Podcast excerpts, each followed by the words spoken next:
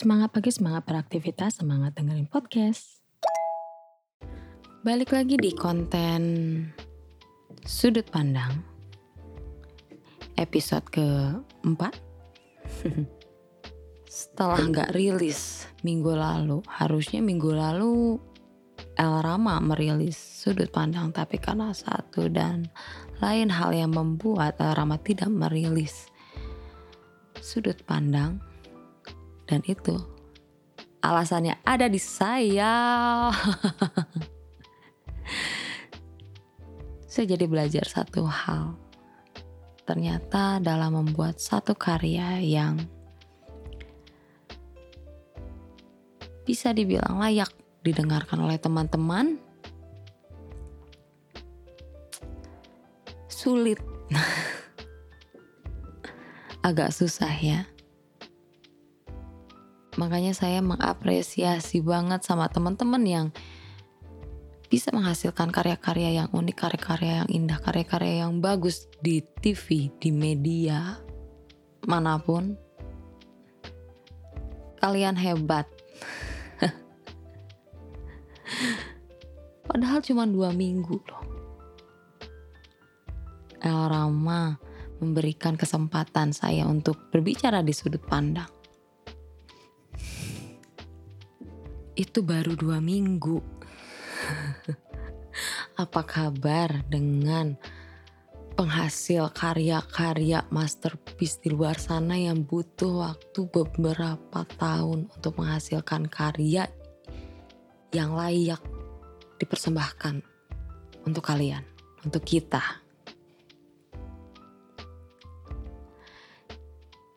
Jadi kepikiran sama salah satu penulis favorit saya yang beliau menghabiskan waktu sampai 15 tahun untuk menulis satu sequel buku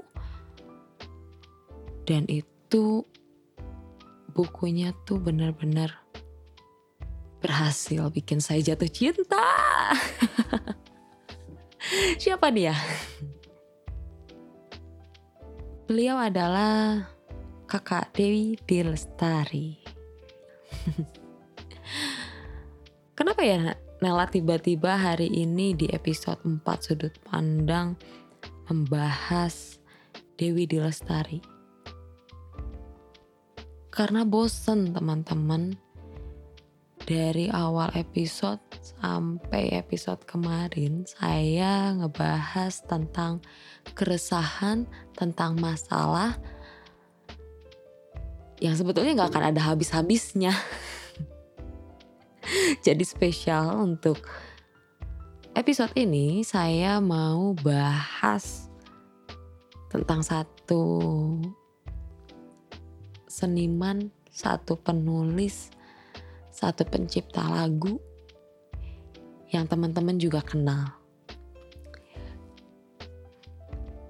Supernova. Siapa yang nggak tahu Supernova? Anakku mungkin nggak tahu Supernova karena dia masih kecil.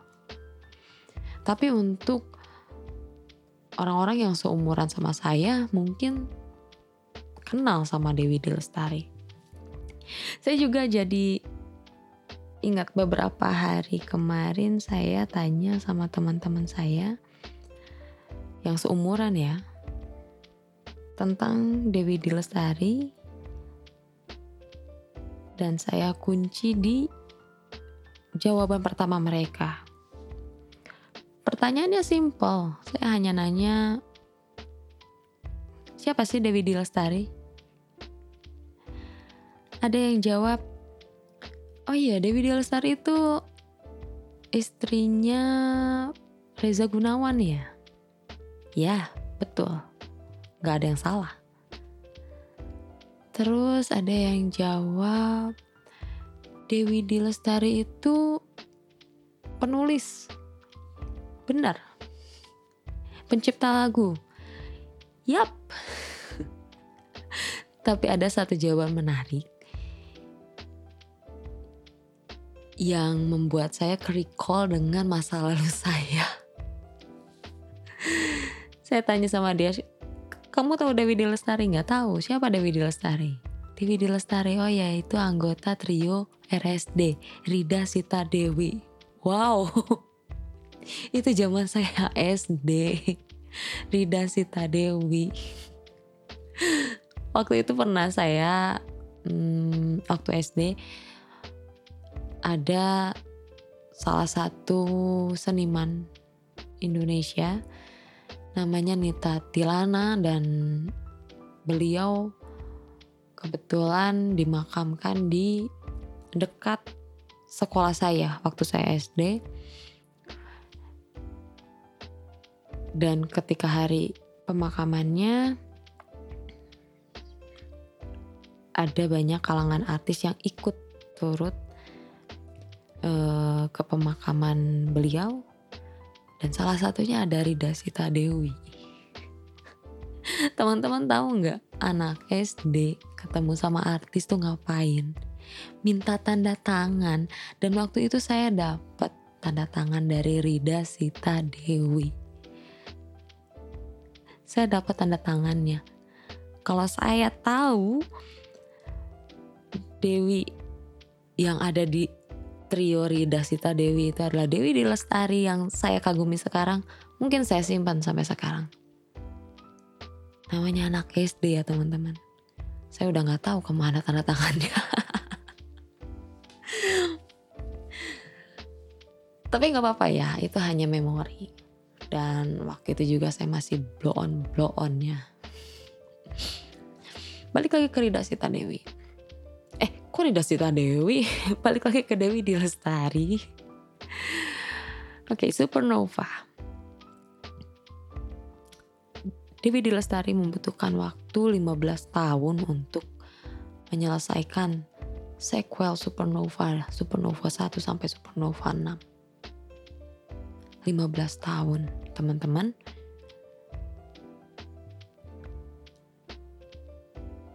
Kak Dewi mengemas supernova dengan begitu detail dengan bahasa-bahasa sainsnya dan bahasa-bahasa sastranya yang kadang kepala saya juga nggak ngerti. Tapi itulah Dewi Dilestari, uniknya Dewi Dilestari. Jarang loh ada penulis Indonesia yang kepikiran untuk nulis cerita seperti Supernova.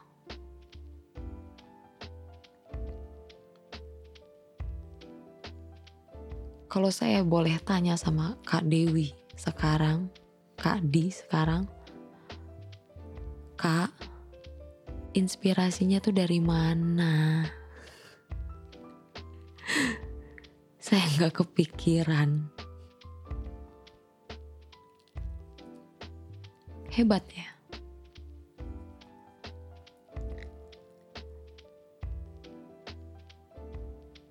Setelah Supernova menjadi satu buku, diangkat juga menjadi film Supernova, Satria, Putri, dan Bintang Jatuh. Saya baca bukunya itu jujur saya nggak paham.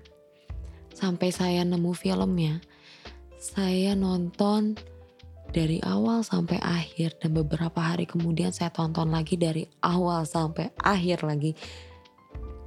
Untuk nemuin ini cerita tuh plotnya ke arah mana? Dan setelah beberapa kali saya tonton saya baru mengerti dan buat saya, Kak Dewi Dini berhasil bikin orang penasaran. Ya contohnya saya, saya nonton lagi nih dari awal sampai akhir nonton lagi bulak balik, bulak balik. Cuma pengen tahu ini plotnya ke arah mana. Saya baca juga forum-forum yang ternyata Kak Dewi sendiri mengadvise teman-teman yang nonton, yang baca cerita Supernova untuk menontonnya beberapa kali supaya mengerti.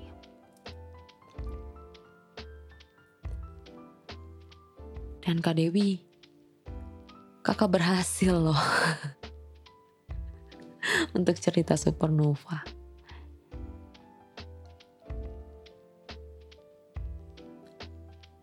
Masterpiece. Dan gak cuman supernova aja teman-teman. Kalau teman-teman, anak-anak zaman sekarang, nonton filosofi kopi karena pemain-pemainnya tuh ganteng-ganteng ya. Tapi setelah saya tanya, kamu tahu nggak siapa yang nulis filosofi kopi? Rata-rata mereka jawab, gak tahu. Yang penting saya bisa ngelihat Rio Dewanto ganteng katanya gitu. Padahal kalau gak ada Dewi di Lestari, filosofi kopi tuh gak akan ada. Kedai kopi tuh banyak.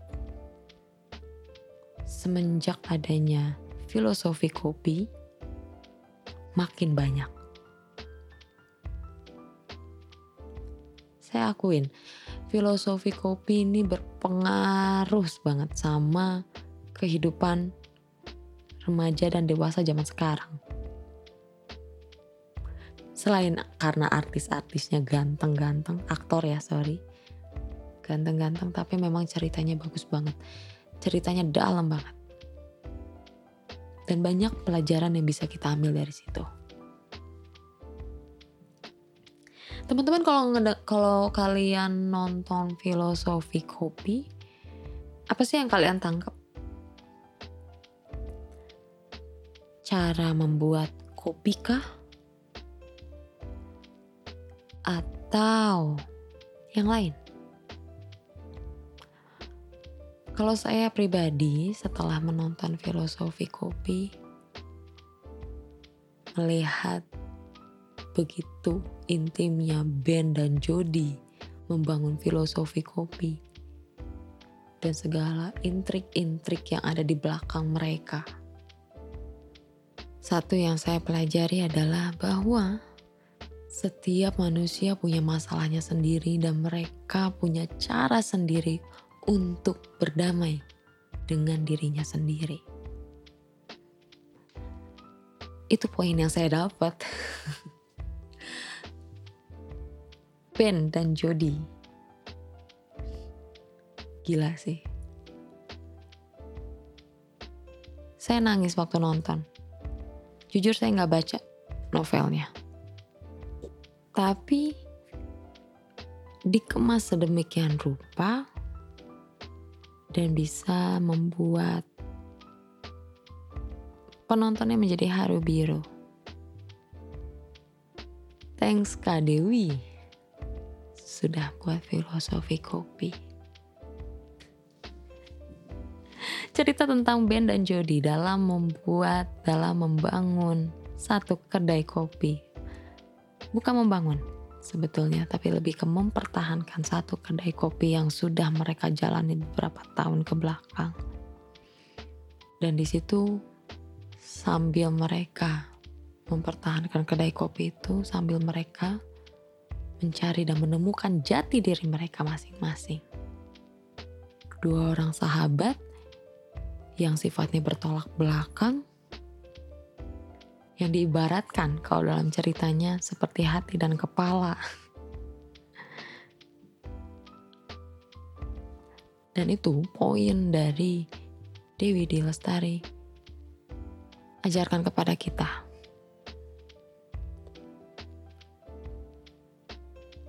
Kalau kita tidak bisa melakukan segala sesuatu hanya dengan kepala kita, tapi juga dengan hati kita. Banyak quotes-quotes yang diambil dari film ini. Everyone has a dark side. Setiap orang memiliki sisi kelamnya sendiri, memiliki sisi pahitnya sendiri.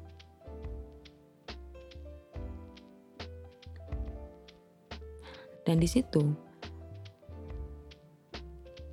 Kak Dewi mengajarkan dengan caranya bagaimana kita harus memberanikan diri untuk berdamai dengan diri kita sendiri.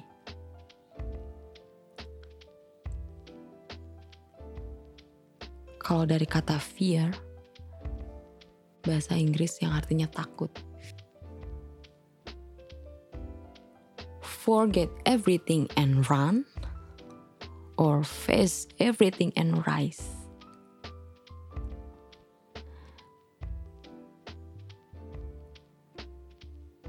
Dan di situ juga saya pikir Kak Dewi berhasil dalam buku filosofi kopinya. Karena kalau tidak berhasil tidak mungkin diangkat menjadi sebuah film.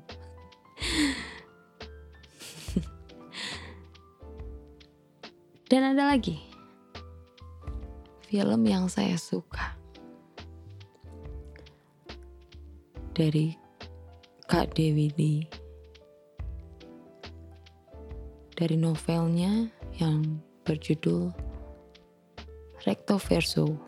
Wow. Kalau untuk Recto Verso nih saya mau komen sama Kak Dewi di Kak niat banget bikin beberapa cerita itu menjadi satu buku.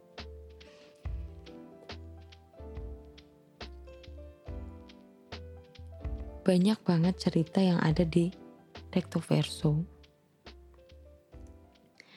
Salah satunya yang paling saya suka banget itu tentang yang mana ya? tentang malaikat juga tahu.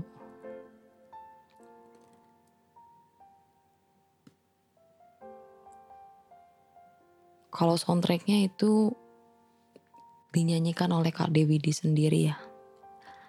Lagunya diciptain juga sama Kak Dewi di. Novelnya oke okay banget. Saya suka. Dan filmnya apalagi. Saya nangis bombay Kak Dewi. Nonton malaikat juga tahu. Apalagi Lukman Sardi tuh aduh. Bagus banget meraninnya. Risa Nasution, natural. Ada juga di recto verso curhat buat sahabat, juga peluk, hanya isyarat, firasat, yang kebetulan firasat juga soundtracknya dikenal, dinyanyikan oleh mantan suaminya Kak Dewi Di. Dan itu kalau untuk firasat mungkin saya lebih senang sama lagunya. Dalam. Cepat pulang, cepat kembali jangan. Pergi lagi.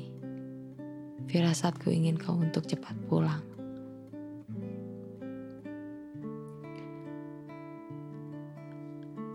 Ada juga soundtracknya Aku Ada yang dinyanyikan bareng sama adik dari Kak Dewi di Lestari, Arina Moka, dan itu dalam juga. Akulah lautan yang memeluk pantai erat. Akulah langit beragam warna yang mengasihimu lewat beragam cara. Dan ini menginspirasi juga sobat-sobat El Rama untuk tim El Rama posting di beberapa hari lalu ada captionnya lirik lagu Aku Ada dari Dewi Delastari dan Arina Moka. Dirilis dari tahun 2008 dan sampai sekarang hampir tiap hari saya dengerin lagu itu. Sumpah. Lagunya dalam banget.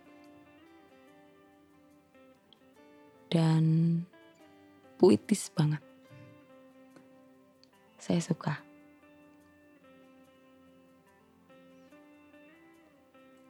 Dewi Lestari punya gaya puitis, punya gaya yang betul-betul sastra yang bisa membuat orang-orang yang baca, orang-orang yang mendengarkan hasil karyanya, orang-orang yang menonton hasil karya dari Dewi Lestari itu mendayu-dayu. Talentanya benar-benar pas. Dewi Lestari tepat menempatkan talentanya kepada kita semua.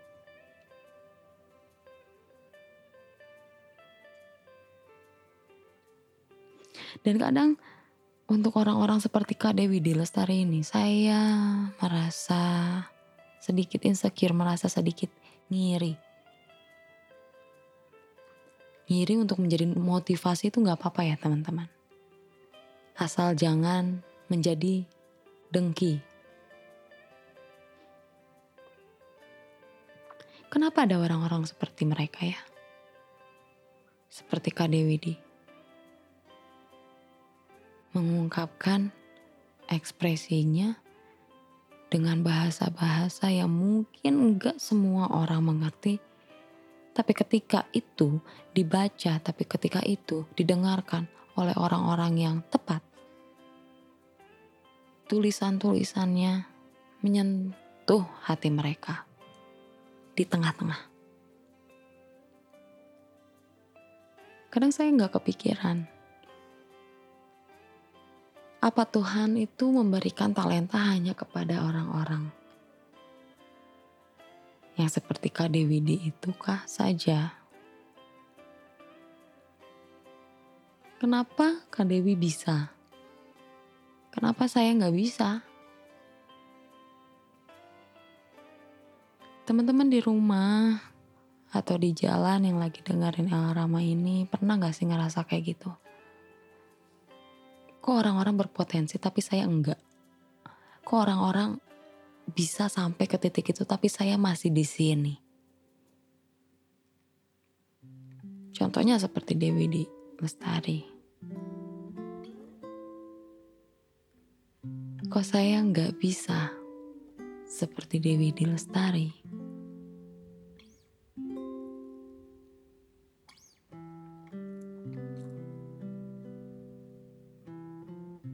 Tapi sadar gak sih teman-teman kalau setiap manusia ternyata punya potensi yang teramat besar.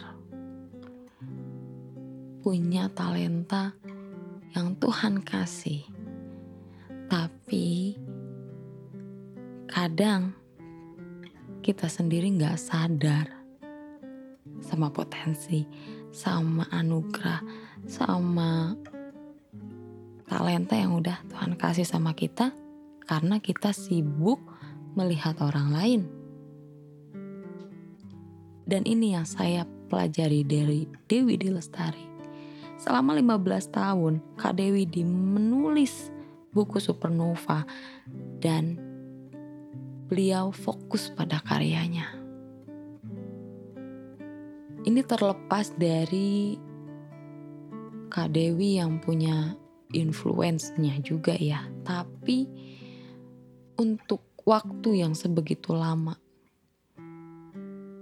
Kak Dewi ngulik karyanya dan gak ke mana-mana.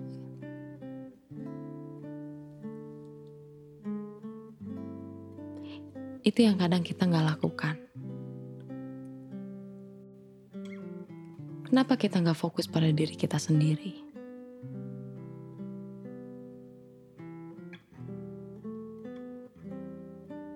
Kenapa kita iri sama kehebatan orang tapi hanya sekedar iri? Kenapa gak dijadiin motivasi? Dan gak hanya itu ya teman-teman. Terkadang potensi kita, talenta kita, nggak disimpan tepat pada tempatnya. Pernah gak sih teman-teman ngerasa saya ini udah bisa ngelakuin ini, tapi kok orang gak ada yang peduli dengan hasil-hasil yang udah saya buat. Pertanyaannya, tepatkah kita menempatkan talenta kita, menempatkan potensi kita di tempat itu? Kak Dewi di dengan tepatnya menempatkan potensinya untuk kita.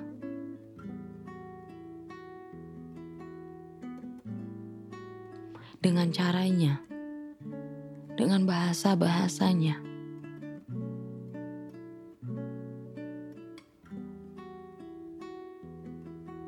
Untuk orang yang tidak tepat, mungkin bahasanya menjadi blunder, menjadi membingungkan.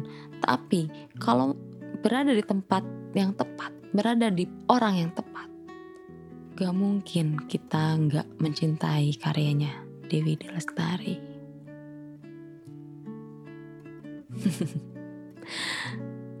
That's the point. Sebenarnya saya belajar dari karyanya dan belajar dari sosoknya Dewi Lestari.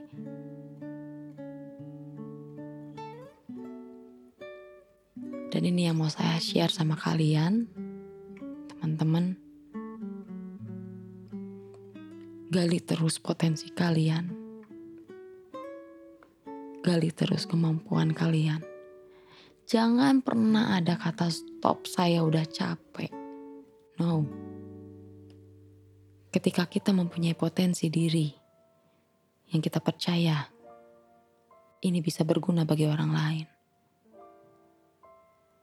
Lakukanlah di tempat yang tepat lakukanlah dengan orang yang tepat.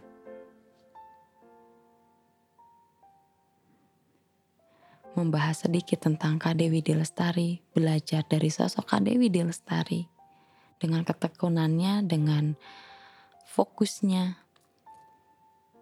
dengan cara-caranya yang dibuat sedemikian ngulik untuk kita Semoga hari ini setelah saya menjelaskan tentang beliau,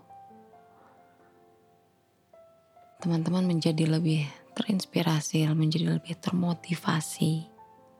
Bangun tidur, kita bisa berkaca, dan kita bisa bilang, hey, I appreciate your potential saya mengapresiasi potensimu, saya mengapresiasi talentamu, saya bangga dengan kamu.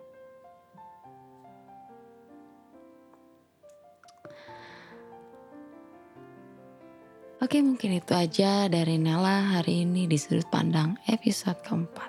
Spesial untuk kalian. Sebenarnya apa yang spesial ya, tapi oke okay lah. Saya tutup episode ini Assalamualaikum warahmatullahi wabarakatuh.